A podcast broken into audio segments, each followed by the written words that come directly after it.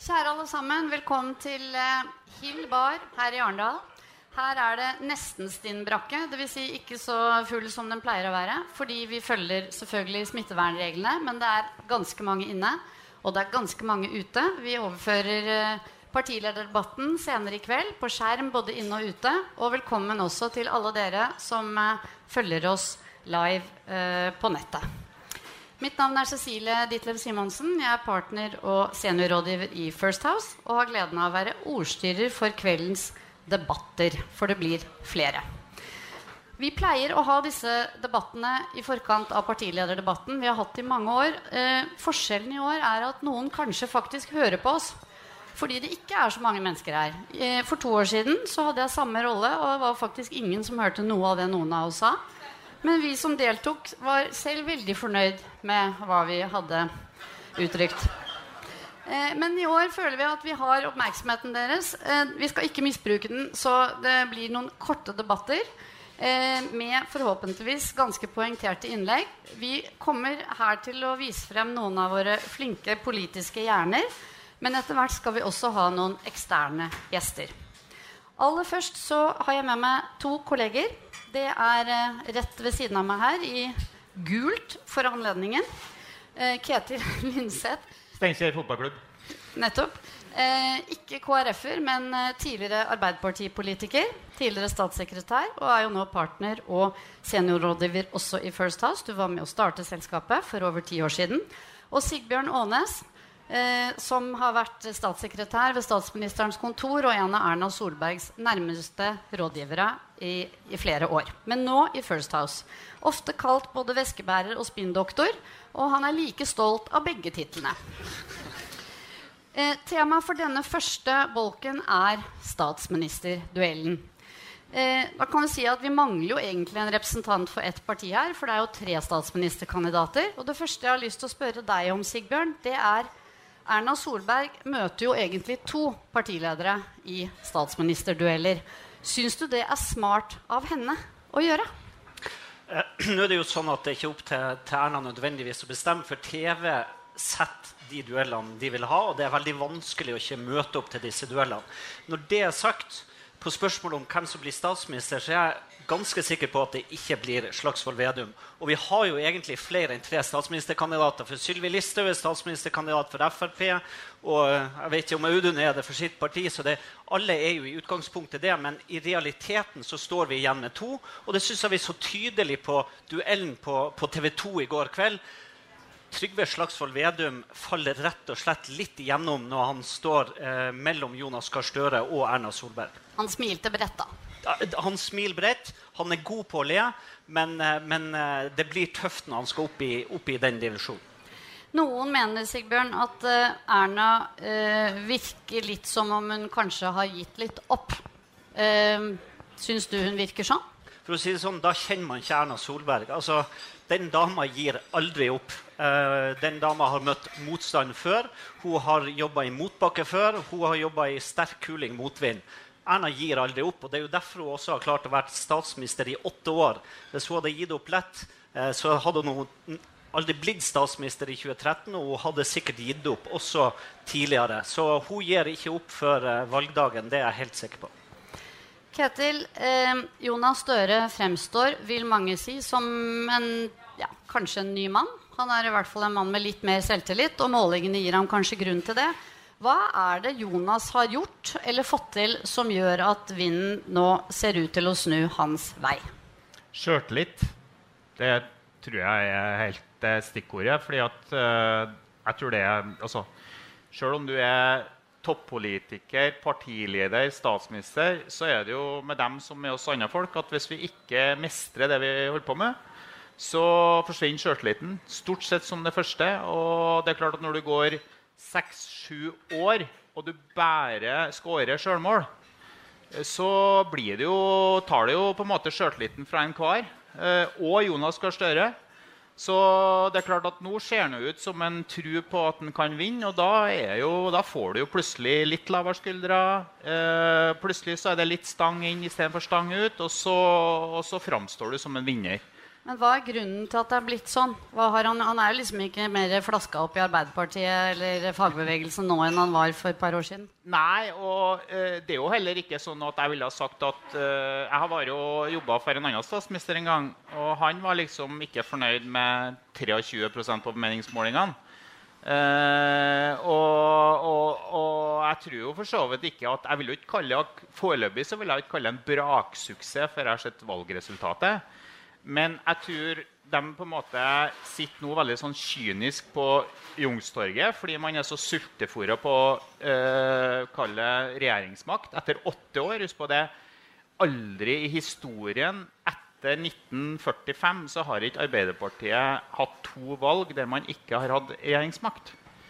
Eh, så i den, komma, i den sammenhengen så kan du si at det ikke er rart Jonas har hatt litt dårlig sjøltillit. Komma, slutt. Eh, du lærte deg sånne regler òg? Ja. Det, var, hvis norsklæreren min på videregående hørte meg nå, så hadde han trodd det var sant. Eh, at jeg kunne sånne. Men eh, er fall, eh, det er i hvert fall sånn at eh, får, du, får de et valgresultat som målingene tyder på nå, så blir Jonas statsminister uansett om de får 22% eller 28% Og det tror jeg faktisk er det aller, aller viktigste.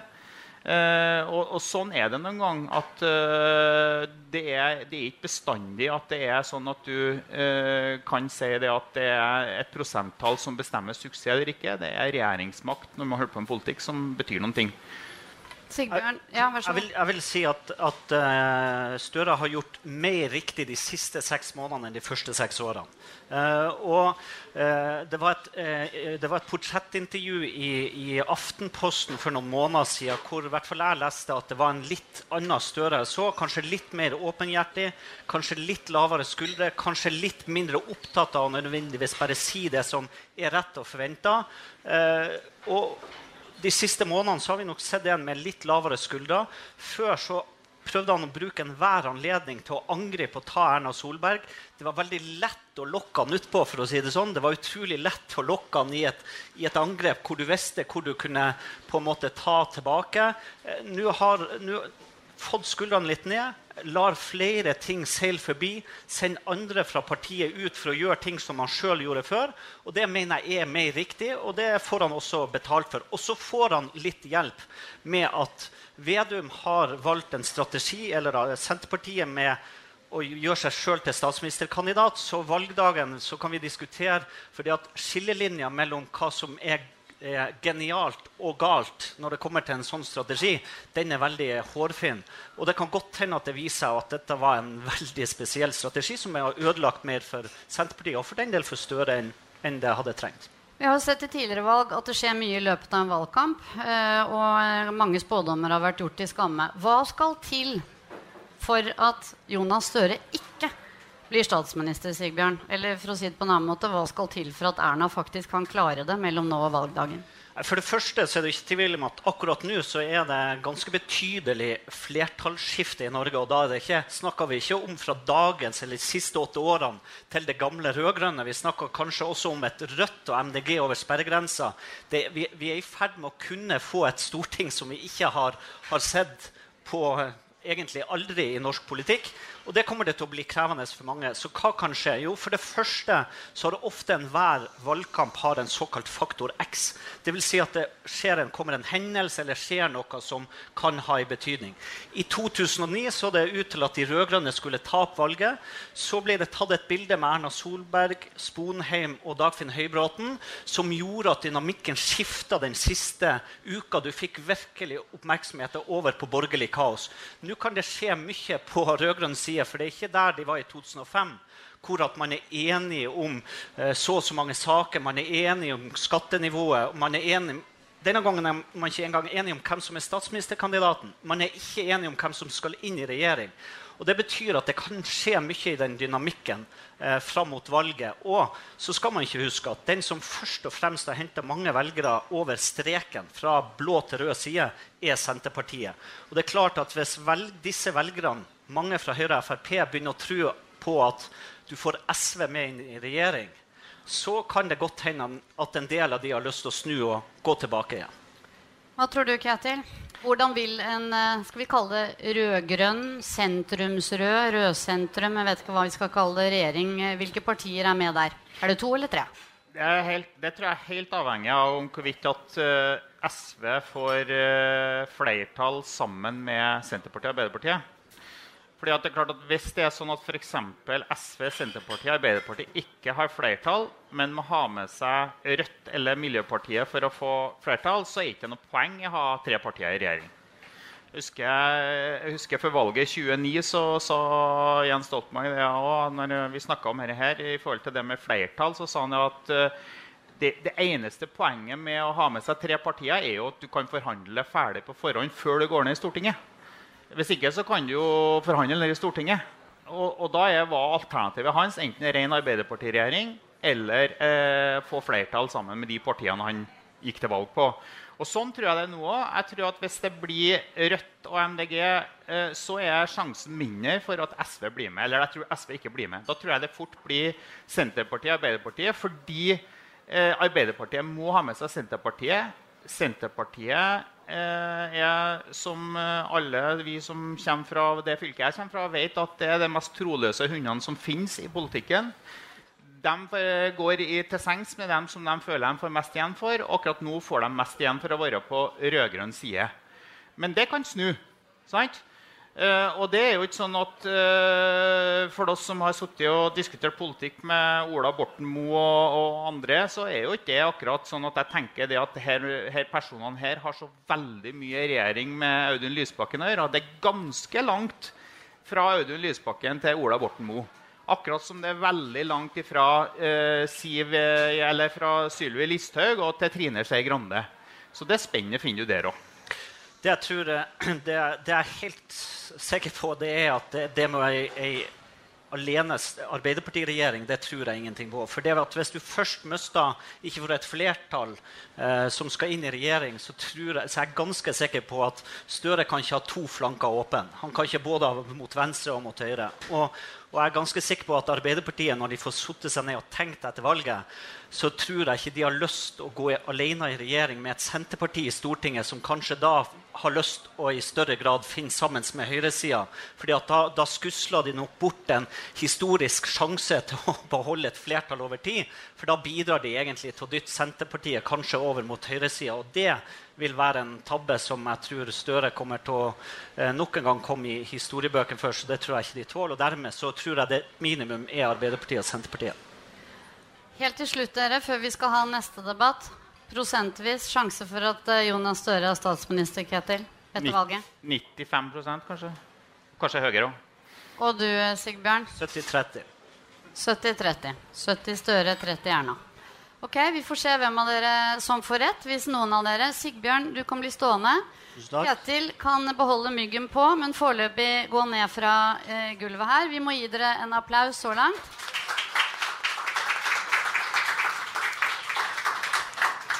Til dere som følger oss eh, på nettet, så er vi altså inne fra Hill bar eh, i Arendal med folk både inne og ute i lokalet. Og vi har eh, litt ulike politiske debatter før vi viser partilederdebatten her for de som er til stede. De som følger oss på nettet, må finne andre måter å se partilederdebatten på, og trenger ikke å se den gjennom dette arrangementet. Nå skal vi få opp eh, to kolleger eh, til. Eh, og det er Ole Berge og Julian Farner Calvert. Eh, som Vi har veldig strenge regler her, så da vil jeg gjerne ha Julian der. Og da har jeg fått beskjed at du skal prøve å se inn i et kamera som er der. Men, eller der. Der. Eh, og Ole der. Velkommen til dere to. Ole har sin bakgrunn fra Fremskrittspartiet. Har vært bl.a. statssekretær, også kommunikasjonssjef eh, i Fremskrittspartiet. Er nå også partner og seniorrådgiver i, rådgiver i First House. Og Julian, som er tilbake i First House etter å ha vært statssekretær eh, for nåværende leder i eh, Kristelig Folkeparti. Og du har jo også vært aktiv i politikken mange år før det, men nå tilbake hos oss. Og det er vi veldig glad for. Vi skal ha en liten prat nå om eh, på borgerlig side hvordan partilederne forbereder seg til debatten. Jeg har lyst til å begynne med deg, Julian. Eh, du kjenner partilederen i Kristelig Folkeparti veldig godt. Hvordan skjer forberedelsene til kveldens debatt, og hva er det som vil avgjøre om han går fra den debatten og føler at dette var vellykket for, for, for Kristelig Folkeparti? Altså Det å forberede seg til en partilederdebatt er liksom å forberede seg til muntlig eksamen. Du vet ikke hva som kommer opp, eller når du får ordet. Og tross alt så får du ordet veldig veldig kort tid. Eh, så forberedelsene starter mange måneder i forveien i partiorganisasjonen, hvor rådgivere og andre sitter og skriver og forbereder debatten og jobber med budskap som man ønsker å få frem i den debatten. Og det som gjør om en debatt blir vellykket eller ikke, er jo ikke først og fremst om man vinner debatten mens den foregår, men det handler om du kommuniserer med de som ser på. Og de som ser på en partilederdebatt, det er jo ikke et tverrsnitt av befolkningen. Det er nerdene. Det er nerdene, men så er det også litt mer, et litt mer voksen publikum. Så hvis du er veldig kjapp i replikken og veldig spydig og spiss, så kan det falle på steingrunn. Så det som er viktig, er å komme frem, få ordet, og også få frem Sette motstanderne dine i en vanskelig situasjon, da, i en vanskelig posisjon, eh, hvor du får styre narrativet. For det er narrativet i debatten som avgjør om du vinner eller taper. Jeg må spørre deg også, Ole. Du kjenner jo også nåværende partileder i eh, Fremskrittspartiet godt. Hvordan eh, forbereder hun seg, og hva er det Fremskrittspartiet kommer til å legge vekt på i dag kveld? Jeg, jeg, jeg, tror, jeg tror, Sylvi har satt seg noen uh, klare mål for uh, kveldens debatt. Uh, vi er jo i en situasjon hvor, hvor Frp har havna litt sånn i skyggenes dal i denne valgkampen. og det skyldes Eh, flere ting. Det skyldes at det har vært et overveldende flertall på mange målinger nå for, for rød-grønn-rød side, for å si det sånn, hvis du tar med Rødt og MDG. Eh, og da blir Frp mindre interessante. Eh, og så har det vært litt i hermetegn kaos på rød-grønn side om hvem som skal være statsminister, og hvem som skal samarbeide med hvem. Så jeg tror at Sylvis eh, misjon med denne debatten det å få fram det faktum gjerne overfor eh, hjemmesittere, gjerdevelgere på målingene nå, som er usikre på om de skal hoppe ned og stemme Frp igjen, og delvis velgere som har gått over til Senterpartiet, at dersom du stemmer Senterpartiet, så kan du komme i en situasjon hvor politikken blir påvirka ganske kraftig, særlig av SV, men kanskje også MDG og Rødt. Så Sylvi vil nok få frem at du kan gjerne eh, stemme på Trygve Uh, og han kan gjerne mene at avgiftene skal gå ned, og at uh, det skal bli bygd mer vei. Men se på hvem man skal samarbeide med. Da Da går det ikke, kommer Sylvi til å si. Da må dere stemme på, på oss igjen. Men Du snakket om at Fremskrittspartiet har havnet litt i en skyggenes dal. Det skal jo ikke mer til enn et innvandrerutspill, så får man jo snudd det, eller? Ja, altså det, det, det, kommer jo an på hva, hvilke saker generelt som er på dagsordenen i en valgkamp. Man så jo med FNs klimarapport at det ser ut til å ha gitt en oppsving for uh, miljøpartier. Uh, hvis det kommer fokus på uh, politi, justis, innvandring, avgifter, så er jo det saker som tradisjonelt sett gjør at Frp øker oppslutninga si. Så, så, den X-faktor-saken som Sigbjørn snakka om, den er ganske avgjørende sånn, gjennom valgkampen for hva det måtte bli. Eh, av resultat for, for, alle partier, egentlig. Så, så det, er en, eh, det, er en, spennende X-faktor. Uh, Afghanistan-situasjonen, jeg vet ikke hvordan den kan eventuelt påvirke, men det er en sånn potensiell X-faktorsak hvis at den eskalerer ytterligere. Sigbjørn, du er fortsatt med oss. Tidligere statssekretær ved statsministerens kontor, rådgiver for Erna Solberg gjennom mange år. Du kjenner henne godt. Hva er det som blir viktig for, for henne? Eller hvor viktig er egentlig kveldens debatt for Erna? det, det, er et veldig godt spørsmål. For jeg tror at for, for Erna så er nok partilederdebatten i seg sjøl mindre viktig enn det er for en del av de andre partilederne. Statsministerduellene er nok viktigere for Erna sånn sett enn kanskje partilederdebattene. Sånn, for hun får mye mer tid i disse duellene enn det en del av disse andre partilederne får, som får mye, mye mindre oppmerksomhet generelt. Og også eh, trenger disse partilederdebattene for å synes. Så, så, så partilederdebatten er ikke avgjørende for Erna Solberg. Da er duellene viktigere.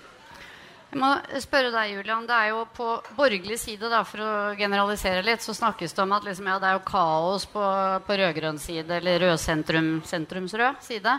Veldig uklart hvem som skal samarbeide. Men det er vel ikke åpenbart liksom, hvordan man skal få Kristelig Folkeparti og Fremskrittspartiet sånn, til å kose seg sammen igjen heller? Nei, det er ikke lett. Men det har heller ikke vært lett. Men man har fått til veldig mye, og man har fått til et samarbeid over år, både med KrF i Stortinget og KrF i regjering, med Frp i Stortinget og Frp i regjering.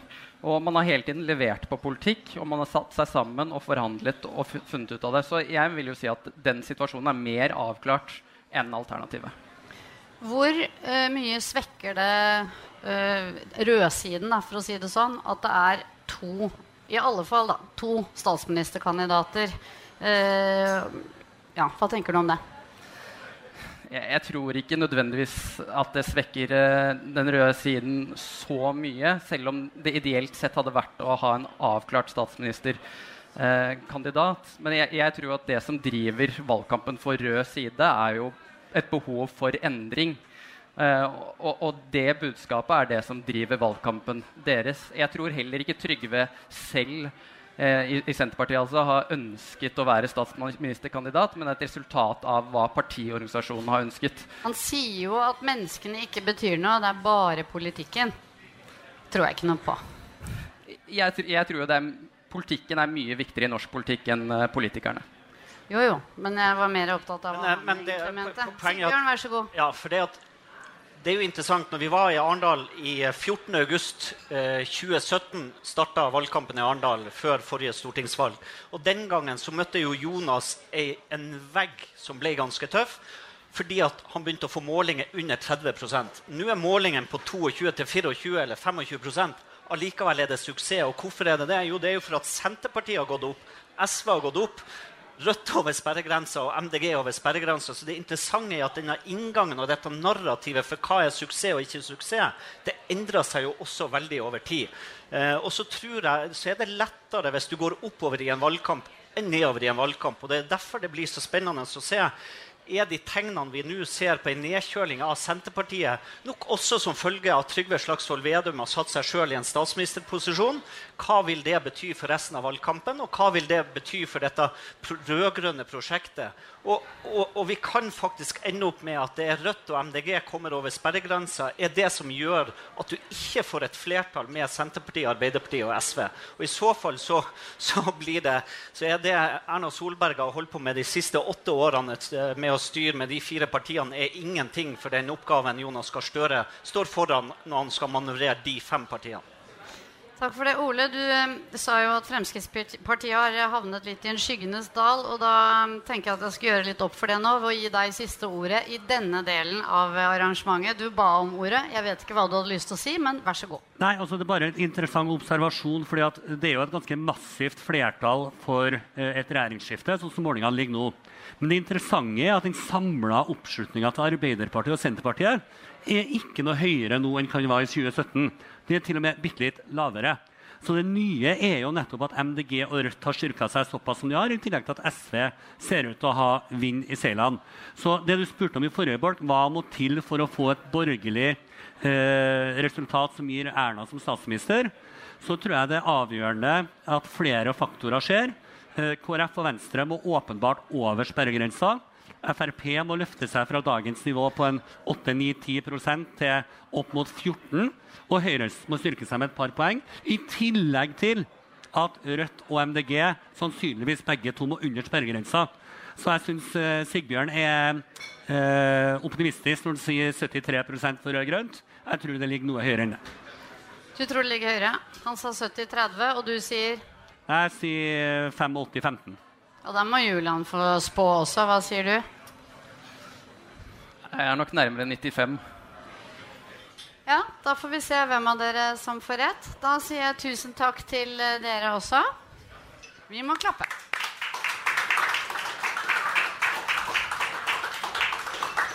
Til eh, de av dere som eh, sitter her på Hill, så kan jeg bare si at hvis dere syns det er rart at det er noen ledige bord ute når det er lang venteliste for å komme inn på arrangementene, så skyldes det at vi har gjester som er på noen andre debatter, men kommer hit til partilederdebatten. Og derfor har vi altså holdt av bord til dem. Um, vi er altså her på Hillbar i Arendal, og vi skal ha en uh, kort debatt til um, om politikk. Og uh, i og for seg alt handler om politikk. Uh, og etter det så kan det hende vi skal ha en liten pause. Det kommer litt an på om hotelleier og investor Petter Stordalen er ute i tide. For han kommer fra et annet arrangement etter hvert og skal også delta i en debatt helt til slutt her Sammen med stortingsrepresentant Jon Georg Dale og Ketil Linseth skal også være med på det. Men først, nå har vi hørt litt fra borgerlig side. Vi må få med noen fra den andre siden også. Og da er det hyggelig å kunne ønske velkommen til Stian eh, Valla Taraldsvik og Ida Holen. Veldig hyggelig. Jeg begynner med Ida, som jeg må presentere. Ida har sin bakgrunn fra SV. Du har også jobbet i First House tidligere. Eh, du har jobbet veldig tett med Audun Lysbakken. Eh, blant annet eh, var vel frem til forrige valgkamp eh, for fire år siden. Så du kjenner ham og selvfølgelig SV veldig godt. Akkurat eh, nå er du rådgiver for eh, Petter Stordalen på kommunikasjonssiden. Men eh, nå skal vi snakke politikk. Og eh, nå har vi hørt litt om eh, borgerlig side. Jeg har lyst til å spørre deg, Ida. Du kjenner Audun Lysbakken godt. Hva er det som blir viktig for SV og ham i kveldens debatt? Nei, I dag har Audun eh, vært veldig eh, fokusert og konsentrert på det som skal skje i kveld. Han pleier å forberede seg veldig godt til eh, partilederdebattene, og spesielt denne første i Arendal, mandagen under stortingsvalgkampen, som er på en måte kickoffen for den mediale valgkampen. Som setter veldig tegninga. Og terningkastene i kveld kan de kanskje fnyse av, men de betyr kjempemye. Det gir veldig selvtillit, og det gir litt sånn retning for hvordan eh, de fire ukene skal bli. For det er såpass kort det er. Og det han gjør er han, han er jo på en måte heldig i år, fordi klima kommer til å bli en kjempeviktig del av partilederdebatten. Utvilsomt. Og så er det jo ingen tvil om at den, den store litt sånn forskjellsdebatten som mange putter ulike ting inn i, har fått en såpass stor betydning i ordskiftet nå at den på en eller annen måte kommer til å være viktig. og den der er han på hugget. Så hans klima og rettferdighet er hans to forberedelsessaker i dag. Og han er drilla godt og kommer til å stay on message og kommer til å si ulikheten i makt og rikdom har økt. Det kommer han til å si til krampa eh, tar seg. Eh, Stian, du, har, eh, du er også seniorrådgiver nå i First House, men du har jo din bakgrunn fra AUF og Arbeiderpartiet. Jobbet tett med bl.a. partisekretæren i Arbeiderpartiet. Eh, og jeg antar at du også kjenner Jonas litt, i hvert fall. Kanskje veldig godt. Men hva, nå, nå snakker alle om at han har vind i seilene. Han har selvtillit, han har senka skuldrene. Men han kan jo fortsatt snuble. Så hva er det han vil være opptatt av i dag? Er det å unngå å gjøre feil, eller er det å score poeng? Altså, Jonas kan snuble. Eh, Jonas har jo smertelig erfart hvor viktig det er å forberede seg til en partilederdebatt. Så jeg tipper at han har brukt ja, sikkert dagen i dag og, og, og en god del dager ute i Kilsund, like borte, borte ved kysten her, og, og sittet der med sine nærmeste rådgivere og tenkt gjennom hvordan skal vi eh, svare ut eh, angrep som etter hvert begynner å bli relativt forutsigbare. Men det er som Julian sa i stad, du vet aldri hva som kommer, og hva som treffer deg. Eh, og så tror jeg nok at de, eh, de som er rundt Jonas, kommer til å ha et fokus på at eh, eh, debattform og korte, kjappe replikker er ikke Jonas Gahr Støre sin paradegren. Han er best når han får lov til å dosere, snakke ut og utrede og, og, og gå litt mer i dybden på ting. Så eh, raske, korte svar. Du får ikke mye tid, selv som partileder i, i Arbeiderpartiet i en sånn type debatt. Du får kort tid. Så være rask, eh, på ballen og konkret. Eh, den som har fulgt med på de siste partileder- og særlig statsministerdebattene i det siste, har fått med seg at Erna Solberg har vært veldig på å utfordre Jonas Gahr Støre på hva konkret er det du vil gjøre. Og så kan noen si at det er litt sånn Den takknemlige oppgave å ha vært statsminister i åtte år og kunne si på uh, poenget liksom, rundt alt det du har gjort. Uh, og så kan du utføre en opposisjonsleder på hva har du tenkt å gjøre. Du har ikke gjort noen ting, men du har, uh, du har eh, mange visjoner og lite konkret. Så jeg tror det å være konkret på klima, finne de eh, riktige inngangene på eh, velferd og fordeling, arbeid, det blir det viktigste for Jonas. Være kort. Han er jo veldig opptatt av formuesskatten. Hvor viktig blir det i kveld? Uh, Formuesskatt er viktig for å si, eh, gi Arbeiderpartiet sitt syn i denne fordelingsdebatten. Fordeling og ulikhet er jo si, en, eh, et godt tema for SV. Ikke like tydelig hva Arbeiderpartiet mener på det, men vi ser jo også senest i går i denne TV 2-partilederdebatten og statsministerduellen at Jonas ikke klarer å ta den helt enda. Den sitter fortsatt litt inne.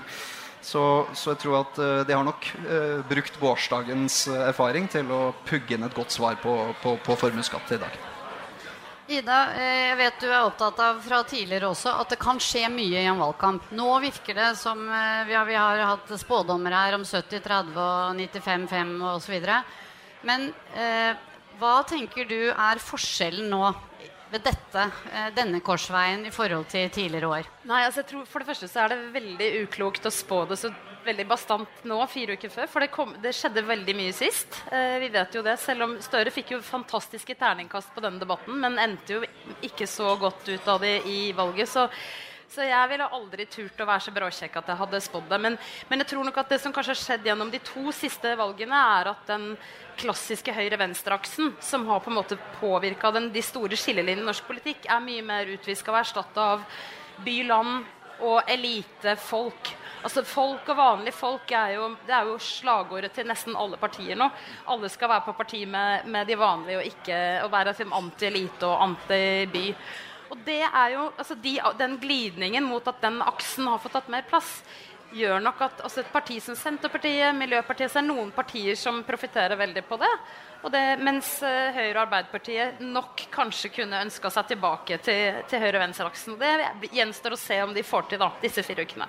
Onde tunga vil jo si at det kan være litt utfordrende for Jonas Gahr Støre å slåss i en sånn elitedebatt. Og i hvert fall være vanlige folks uh, fremste talsperson. han har lært seg å heise flagget på 1. mai. Han heiser flagget. Han har uh, TV 2 på plass hver eneste morgen. Så det er 1. mai. Så det, det er veldig bra. Men ja, det, det er jo ikke akkurat sånn at den sida heller har full eh, vind i seilene for tida. Senterpartiet går tilbake på sju av sju målinger i august. Eh, Arbeiderpartiet går tilbake, riktignok lite. Så det er jo SV som drar lasset på rød-grønn side akkurat nå. Ida, Ida, hva tenker du var sannsynlighetene for at det blir en Arbeiderpartiet-SV-Senterpartiet-regjering? Altså, jeg tror jo ikke den er så liten. da, og Det høres ut som en sånn der, å, tidligere rådgiver som bare ikke klarer å distansere seg fra det man har vært i. Men, men grunnen til det er at jeg tror den For det syns jeg det spillet har dominert veldig. Men når, når Slagsvold Vedum ikke vil tydeliggjøre om han vil ha med. Han, han avviser det jo ikke. Ola Borten Moe gjør det, men Vedum gjør ikke det bastant. Han bare sier at han går til valg med Arbeiderpartiet på en Senterparti-Arbeiderparti-regjering. Så han holder egentlig døra åpen. Og det tror jeg handler om at han vil please den delen av partiet som kommer fra høyresiden. Ikke skremme dem vekk. Så for å holde dem varme så den, er den strategien der. Men når valgresultatet kommer, og hvis det blir sånn cirka sånn som vi ser nå, så vil de ha vanskelig for å unngå å forhandle med, med SV først. Det tror jeg. Men så gjenstår å se. Har du Nei, altså, Jeg kan ikke annet enn å bare bli gjentagende. Og kommer sikkert til å høre den setninga her i kveld. Jeg har ikke hørt uh, Trygve Slagsvold Vedum uh, kategorisk slå igjen den døra. Så Det kommer til å bli sagt mange mange, mange ganger. Jonas Gahr Støre har uh, fått god drilling i å si dette her med at Trygve har sitt alternativ, jeg har mitt alternativ, jeg tror det er flertall for mitt alternativ. Og det ser ut som å være det alternativet som flest velgere er, er komfortable med. Så hva skal jeg si? Det er fare for å gjenta Ida, fare for å virke som en rådgiver som er litt for lite distansert fra politikken. Men la det stå sin prøve. Tusen hjertelig takk til uh, dere, Ida og Stian. Vi klapper for dere òg. Da eh, folkens, skal vi ha en eh, siste liten eh, debattsekvens. Vi eh, skal ha Jon Georg Dale som eh, kommer opp og kan stille seg på, den, eh, på det blå krysset der. Og så ser jeg ute at Petter Stordalen har kommet og fått på seg uh, mygg og kommer inn til oss. Hei, Petter. Velkommen. Kan du stå på det krysset der? Tusen takk. Hyggelig å se deg. Ja, fint å være her. Veldig fint. Vi er altså her på Hill Bar, dere. Og mange følger oss, på, følger oss på live på nettet. Og mange følger oss eh, ikke live på nettet, da, men eh, online, heter det. Eh, og mange følger oss her på Hill Bar. Vi har hatt flere debatter. Dette er i regi av First House. Og nå har vi fått to nye gjester opp her. Og det er stortingsrepresentant Jon Georg Dale, også tidligere statsråd ved flere anledninger, senest samferdselsminister. Og så har vi Petter Stordalen, som er eh, investor og hotelleier. Og grunnen til at vi har invitert eh, dere, er at vi har lyst til, i den situasjonen vi er, å snakke litt om politikk og næringsliv. Og litt de erfaringene vi har gjort oss under pandemien. Eh, og så skal vi prøve å se litt fremover, for vi begynner å bli ganske lei av pandemidiskusjoner alle sammen. Men aller først, Petter, du har vært ganske eh, Hva skal vi si? Eh, du har snakket klart og tydelig om eh, krevende situasjon for din næring og din forretning, og også stilt ganske tydelige krav til regjeringen underveis. Hvordan syns du egentlig det har gått? Nei, man skal huske på at uh, utgangspunktet vi hadde, var at så sent som 24.2.2020 så sto vi med det tiende året, beste året vi har hatt noensinne. Vi hadde et enormt investeringsprogram. Vi hadde akkurat kjøpt Ving. Jeg hadde åpnet Norges største hotell The Hub. Jeg hadde investeringer i Nordic Choice for 7 milliarder alene. Og uh, vi hadde investeringer i Hurtigruta. Alt. Så kommer den perfekte stormen, og vi får i prinsippet næringsforbud. Og da må vi forklare at i dag har vi liksom et, hatt et øh, fall i omsetningen på ca. 10 milliarder. Og vi har tapt 3 milliarder. Og det er bare i hotellselskapet. Og da, det jeg syns man skal ha ros for, det er ikke bare politikerne, men det er embetsverket, som er helt fantastisk. For de agerte raskt, presist, og de sa 'sånn er vi, hjelper dere'. Og eh, eh, eh, trepartssamarbeidet fungerte utmerket. Bl.a. NHO LO var raskt ute, korrigerte pakker til permitteringer, sånn at vi opptrådde opptrådte anstendig overfor alle de ansatte. Vi sto i en situasjon med ca. 20 000 ansatte, og vi måtte raskt permittere 10 000 mennesker. Det er brutalt for de menneskene og for alle som er en del av det. Og Derfor var det en enorm støtte når regjeringen var tidlig ute og gjorde noe. Så du var fornøyd. Du snakket jo også om masseoppsigelser, og dere måtte vel også si opp en del. Bare kort nå, Petter. Hva, liksom, hvordan, hvordan, står det til nå, egentlig? Akkurat når jeg står her nå, så vil jeg takke alle dere som er her sånn, for at dere ferierte i Norge i sommer. Det betydde uendelig mye. Og den effekten, det er tidenes ketsjup-effekt. Hotellene var pakka fulle, eh, jubelen sto i taket. Men da vil jeg sitere om hva heter det? Eh, du kan vel si hvem som har skrevet det. En, sva, nei, en svane gjør ingen sommer En svale heter det. En svale gjør ingen sommer. Eh, dette her var juli måned som ble bra. Men vi må ikke glemme at vi fortsatt er midt i en fortsatt eh, krise. Selv om Høie har sagt at uh, vi skal både klemme og til alle dere yngre her der, Når Høie har sagt det er lov til å ha one night stand igjen, så skal jeg love dere da er det lov. Ja, Det lover jo godt for resten av Arendalsuka. Men eh, Jon Georg, eh, du eh, sitter på Stortinget, og eh, det var jo sånn at Stortinget måtte jo, regjeringen først og Stortinget også måtte behandle saker, krisepakker, krisetiltak. det har vel knapt vært raskere i fredstid i hvert fall, raskere saksbehandling i norsk politikk. Hvordan opplevde du det fra, din, ja, fra din, ditt perspektiv? Nei, For det første så tror jeg faktisk det var viktig at vi akkurat på det tidspunktet hadde en mindretallsregjering. Og det det har jeg aldri meint før på det tidspunktet. Men, men, det gjorde at en fikk raskt korrigere også de tingene som en så slo skjevt ut.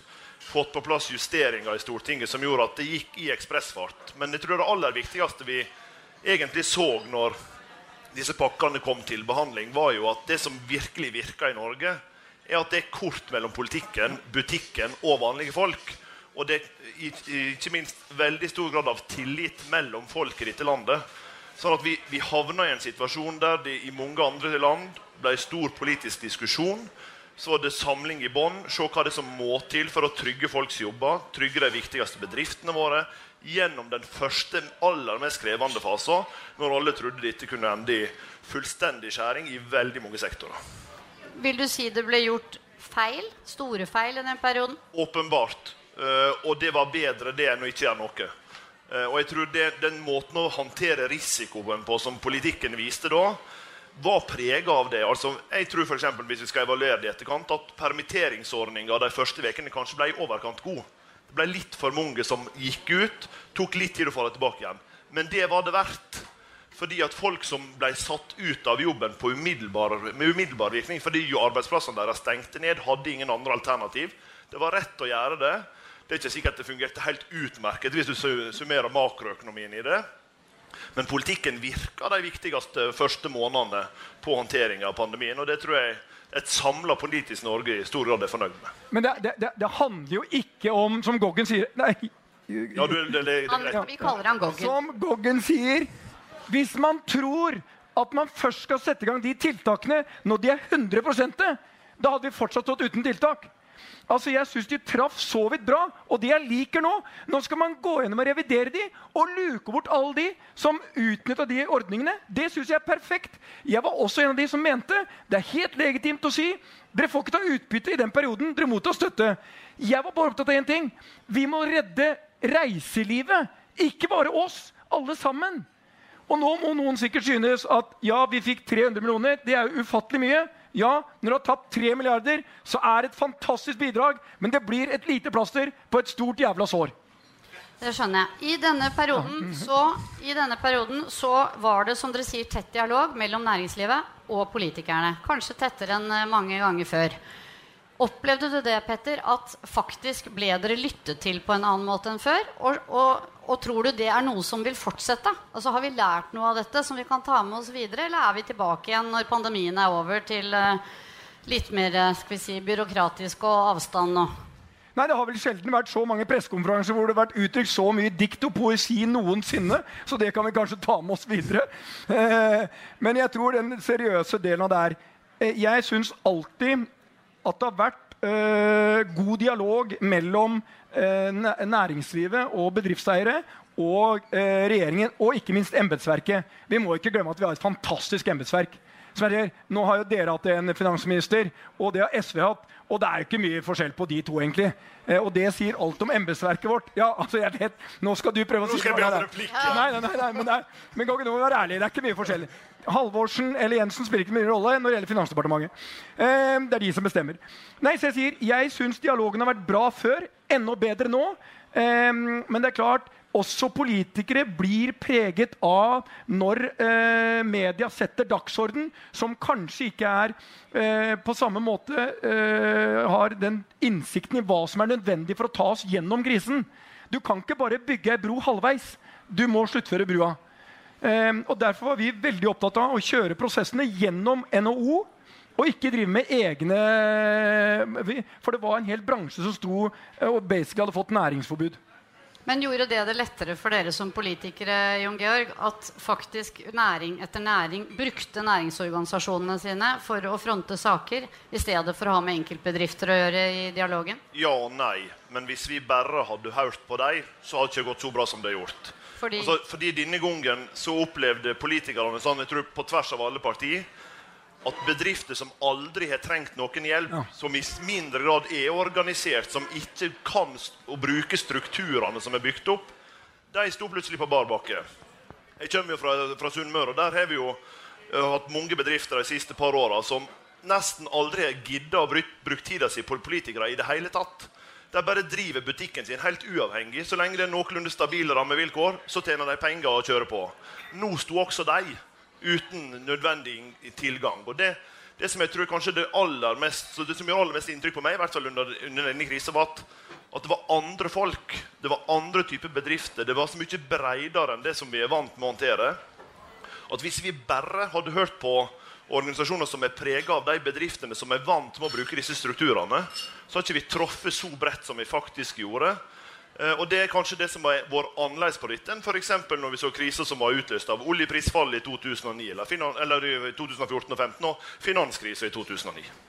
Men dette er kanskje noe man kan ta med seg videre også, erfaringer fra den dialogen. Jeg har lyst til å eh, komme til deg nå, Ketil. Til dere som eh, plutselig har eh, fått på PC-en, eller hva dere nå ser på. Dette er Ketil Lindseth, eh, tidligere statssekretær fra Arbeiderpartiet, og nå partner og seniorrådgiver i First House. Tror du at denne situasjonen ville vært håndtert annerledes hvis Jonas Støre hadde vært statsminister? Nei. denne perioden? Nei. Det har kommet til å være akkurat likeens. Uh, og jeg tror, så kan du si er det en styrke eller en svakhet, men jeg tror Petter Stordalen er inne på noe ganske vesentlig. Det er jo at dette uh, civil servant-systemet vi har i Norge, eller embetsverkstrukturen vår, er uh, en smart konstruksjon. Den eh, Politikere kommer og går, men kunnskapen i etater og eh, byråkrati består. Og eh, det gjør at uh, når du kommer i en krise, så Og det vet jeg sjøl òg, jeg har vært med på noen sjøl som politiker. Du blir litt sånn du blir litt sånn henfallen til den ekspertisen som befinner seg i departementet. Og eh, det gjør jo at du du skal jo når de f.eks. var med når vi hadde denne, eh, anslaget til den første pandemien, den svineinfluensaen, så i 2008. Da var, da var, det jo sånn at varsellampene kom på. Og når de da anbefaler å kjøpe inn fire millioner doser så sitter du ikke som statsråd og sier nei, du, det, de pengene skal vi spare. Det gjør vi faen ikke. Det er ikke sikkert det blir noe pandemi, så det driter vi bare i. Liksom. Det gjør du, ikke sant? Til og med en, uh, Jens Stoltenberg blir litt skjelven, og Finansdepartementet blir skjelven, og alle blir skjelven da. Så gjør du det. Så bruker du sikkert 10 milliarder kroner for mye som du kunne ha brukt på andre ting, men, men du har nå på en måte forsikra deg. Og sånn er det i en krise. Når du, sitter, når du er helseminister, så sitter med eh, Gullvåg og Camilla Stoltenberg, så har du ikke så har du ikke så mye du skal stille opp med egentlig som, eh, som statsråd. Du gjør som de tilråder. Det skal i hvert fall være ganske ekstraordinært før du gjør det motsatte. Eh, og det er bra. For vi er lekfolk når vi er politikere. Vi er ikke eksperter på noe som helst annet enn å ta vi er satt der til å ta noen kloke beslutninger, forhåpentligvis på vegne av oss alle, men ekspertisen den er i eh, embetsverket. Og Noria, nå skylder du meg to øl etterpå, bare så du er klar over det.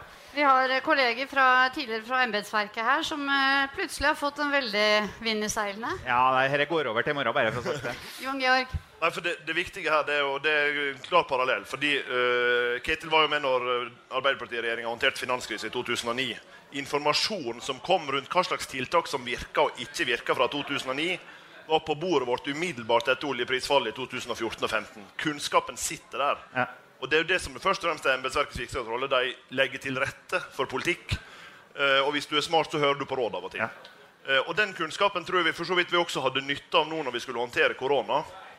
Fordi vi vet hva som umiddelbart slår ut på ringvirkninger av økonomien fra første øyeblikk og hva slags sektorer eller næringer som bruker lengre tid for å få pengene i omløp.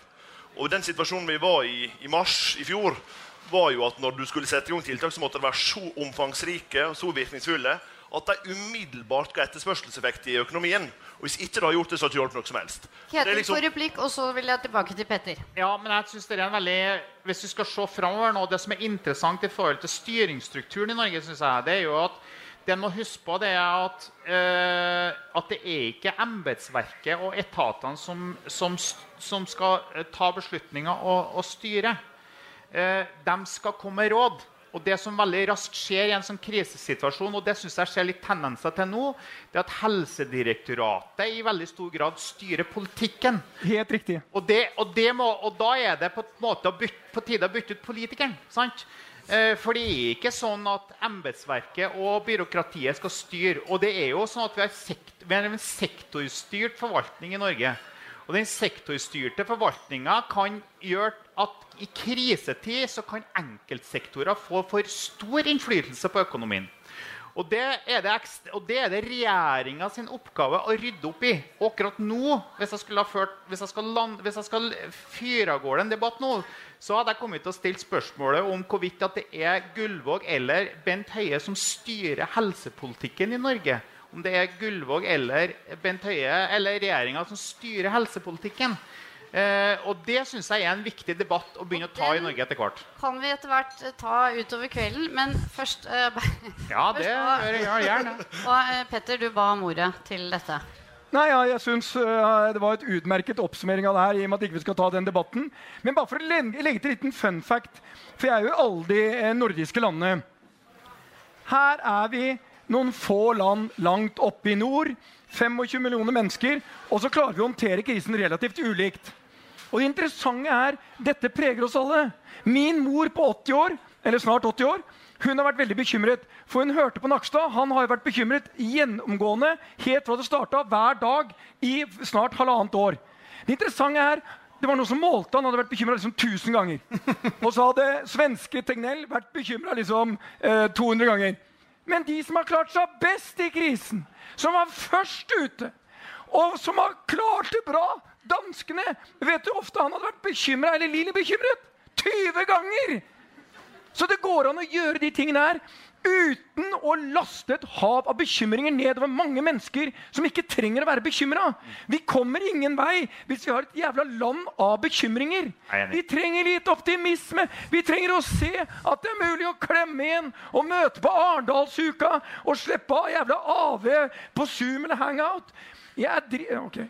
Ja, det, det var egentlig bare en støtte til ditt fantastiske ja, ja. Det Jeg, tolker, det var mye omveier, men jeg Ja, ja, det men jeg prøvde å komme til poenget. Ja, Jeg syns det var jeg jeg enig. Ja, ja, jeg er po- Ja, nå positiv, positiv i dag. Positiv i dag. positiv i dag. Syns Ja. det var bra. Men uh, dere kan jo også fortsette samtalen etterpå. Men uh, Jon Georg, du, du ba om en replikk. Nei, jeg, jeg tror ikke jeg skal ta den nå, men, men, men jeg, tror, jeg, tror, dette er, dette er kjerna. Fordi at uh, jeg tror hvis, hvis vi skal nøkternt vurdere det, så, så tror jeg de aller fleste politikere tenker at det har vært greit håndtert i Norge. Det vært greit håndtert. Men vi er på en måte nå på startblokka for å komme oss ut av dette. Og de kostnadene som vi fortsatt bærer, sammenlignet med veldig mange andre kostnader vi ikke tar i samfunnet, begynner å bli veldig høye. Og det gjør at jeg tror jeg tror vi må raskt tilbake til normalen. Eh, og jeg tror jo, og det blir jo en av de mange spennende diskusjoner framover. Kommer vi tilbake igjen til der vi var før dette, eller ser vi helt andre typer bedrifter? Ser vi helt andre næringer som vokser? Hvordan påvirker dette i veldig mange sektorer? Spo, store, spennende debatter vi kommer til å se de neste månedene.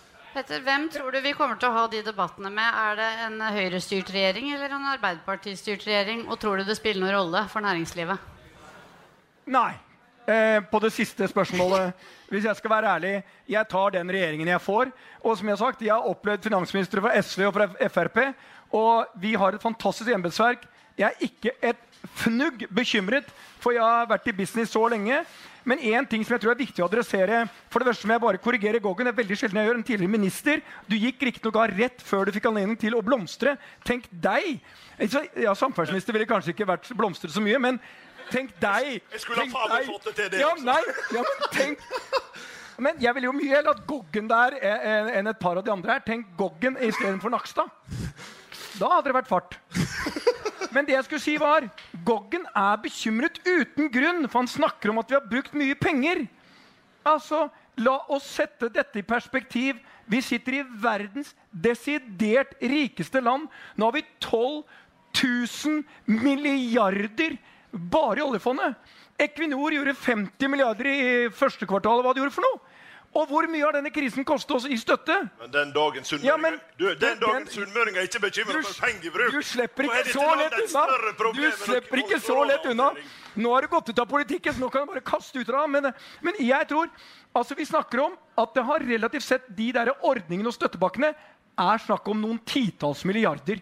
Men det vi må diskutere, det er hvordan skal vi få alle folka tilbake? Hvordan skal vi få alle de som Er nå står uten er alle dine folk tilbake i jobb? Nei, de er ikke tilbake i jobb, fordi de har begynt i andre steder. Og noen er fortsatt, og veldig mange av de, de står, sitter i Sverige og kommer ikke inn, og det er masse problemer. Dette må vi løse. Det er jo ikke bra for Norge når folk står fire timer i kø for å komme gjennom på Gardermoen. Men du var så optimistisk. Så jeg Ja, men jeg er optimist. Jeg prøver bare å adressere. Er er, altså hvis man tror Norden er bygd på pessimisme, da tar man feil. Det er bygd på en fundamental optimisme. Selv sunnmøringer er optimister. De holder bare, ja, men de er optimister sånn fundamentalt. Så vi må være optimister, for det andre er så jævla trist.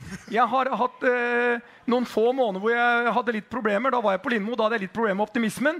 Men jeg fikk liksom eh, børsta av meg støvet. kommet deg nå veldig. Har kommet meg nå. Jeg er tilbake nå. Men jeg, jeg taper fortsatt penger, men jeg, liksom, jeg føler jeg er litt tilbake. Jeg skal ut av den driten. Men det, man skal huske på en ting. Du må ta, og det er viktig for politikere Hvis ikke du setter noen mål hvor du skal, hvis du bare blir stående og diskutere enkeltsaker, så glemmer litt hva som er viktig. Og vi skal bygge et samfunn her sånn som har gjort oss til verdens beste samfunn. Og vi må ta vare på det. Vi må få folk i arbeid. Og vi må ikke glemme at vi også har satt ungdommene våre på en enorm utfordring gjennom at de satt i lockdown en lang periode. Og jeg tenker langtidskonsekvensen av hvordan vi håndterte blir også spennende å se på. For det har vært forskjell på håndtering i de nordiske landene. Og sist, jeg må ta det, jeg hadde ønsket at Norden hadde samarbeidet på en helt annen måte. Hadde vi hatt lik håndtering av dette, gått eh, sammen, så kunne vi åpnet Norden mye fortere. Og vi er våre eh, viktigste samarbeidspartnere økonomisk og sosialt. Ville det skjedd eh, en annen gang neste gang, eh, tror du, Jan Georg? Ville det vært et annet samarbeid på tvers av Norden? Hvis en hadde vært forberedt på noe sånt, så kanskje. Men nå er vi Men- kanskje forberedt på at noe sånt kan Nei, det, det, det tror jeg ikke. For altså, Den type scenario som vi har vært inne på her, kan, kan ikke et planverk følge helt opp. Og, og det er en, en av de tingene som vi har sett hvis vi ser liksom litt historisk på dette, det er at når det virkelig brenner på dass, som det gjorde i den situasjonen vi var gjennom, så er du først og fremst opptatt av å sikre dine egne arbeidsplasser. Og når de tross alt handler om å gjøre det, det som er aller mest prekært her og nå altså Vi lagde krisepakker over natta i Stortinget. Liksom. Det var sånn det skjedde. Hvis vi skulle ha ringt svenskene og spurt hvor de hadde tenkt å gjøre det Nei, de vi- trenger å, nei. prosesser. Ja, men altså, Mange. ja, altså, Det hadde aldri gått. Vi hadde aldri hatt det tempoet i gjennomføringa. Vi har aldri redda så mange bedrifter, vi har aldri reddet så mange arbeidsplasser. Derfor tror jeg det er nødvendig at det skjer sånn. Og så må en raskere tilbake til en normal. Der når åpninga kommer, så greier du samarbeid i større grad enn vi har gjort. Vi skal ganske snart runde av dette. Ketil har bedt om ordet. Greier du å være kort? Ja, jeg- men jeg tror, jeg er ikke så veldig optimistisk på det nordiske. fordi jeg tror at strukt, Det er ikke strukturer og institusjoner som til å ivareta det, men vi har bygd opp noe i Brussel som, som har vist seg faktisk å fungere ganske bra. Uh, og jeg tror at uh, noe av evalueringa og svaret på det vi ser nå, uh, som kommer til å komme etter eh, koronaen, er at vi ser at de institusjonene vi har i Brussel, faktisk er gode. Vi har fått koronapass. Vi har fått innkjøpsordninger av vaksine som gjør at ganske raskt så vil alle borgere i EU kunne reise rundt med et eh, vaksinepass som gjør at vi vet eh, og kan praktisere både arbeidsmarkedspolitikk og næringspolitikk på en effektiv måte. Og det er en mye bedre måte å gjøre det på enn å gjøre det nordisk. Eh, så institusjonene fins, og eh, samarbeidet er der. Eh, vi må bare nå jobbe for å få Trygve Slagsvold Vedum til å forstå akkurat det der. Og Audun Lysbakken nå da, Ida. Han kan òg forstå akkurat det. EU er bra. Dere, aller siste. Hvem er det som får uh, høyest terningkast i partilederdebatten, som begynner om et kvarter? Du eh, får sjansen først, Jon Georg. Jeg tror uh, det fort blir Audun Lysbakken. Petter, hvem tror du? Jeg tror eh, Jeg syns Jonas eh, Gahr Støre har kommet enormt sterkt de siste månedene. Og han virker ordentlig fit for fight. Og i kveld tror jeg eh, han kommer til å blomstre. Ketil? Nei, jeg, jeg, jeg, jeg, vet det egentlig ikke. Det er litt sånn smak og behag, det der. Men, eh, men eh, jeg synes jo i sånne lange debatter med, med, med mange, så syns jeg som regel Erna er veldig god fordi hun er så kunnskapsrik. Eh, og i sånne debatter, akkurat som Jens Stoltenberg var veldig god fordi han var så kunnskapsrik, sant? Det, det, det hjelper. Og jeg liker kunnskapsrike politikere. Så det er vel egentlig svaret. Da har vi ditt svar. Tusen takk, dere. Takk for at dere var med oss.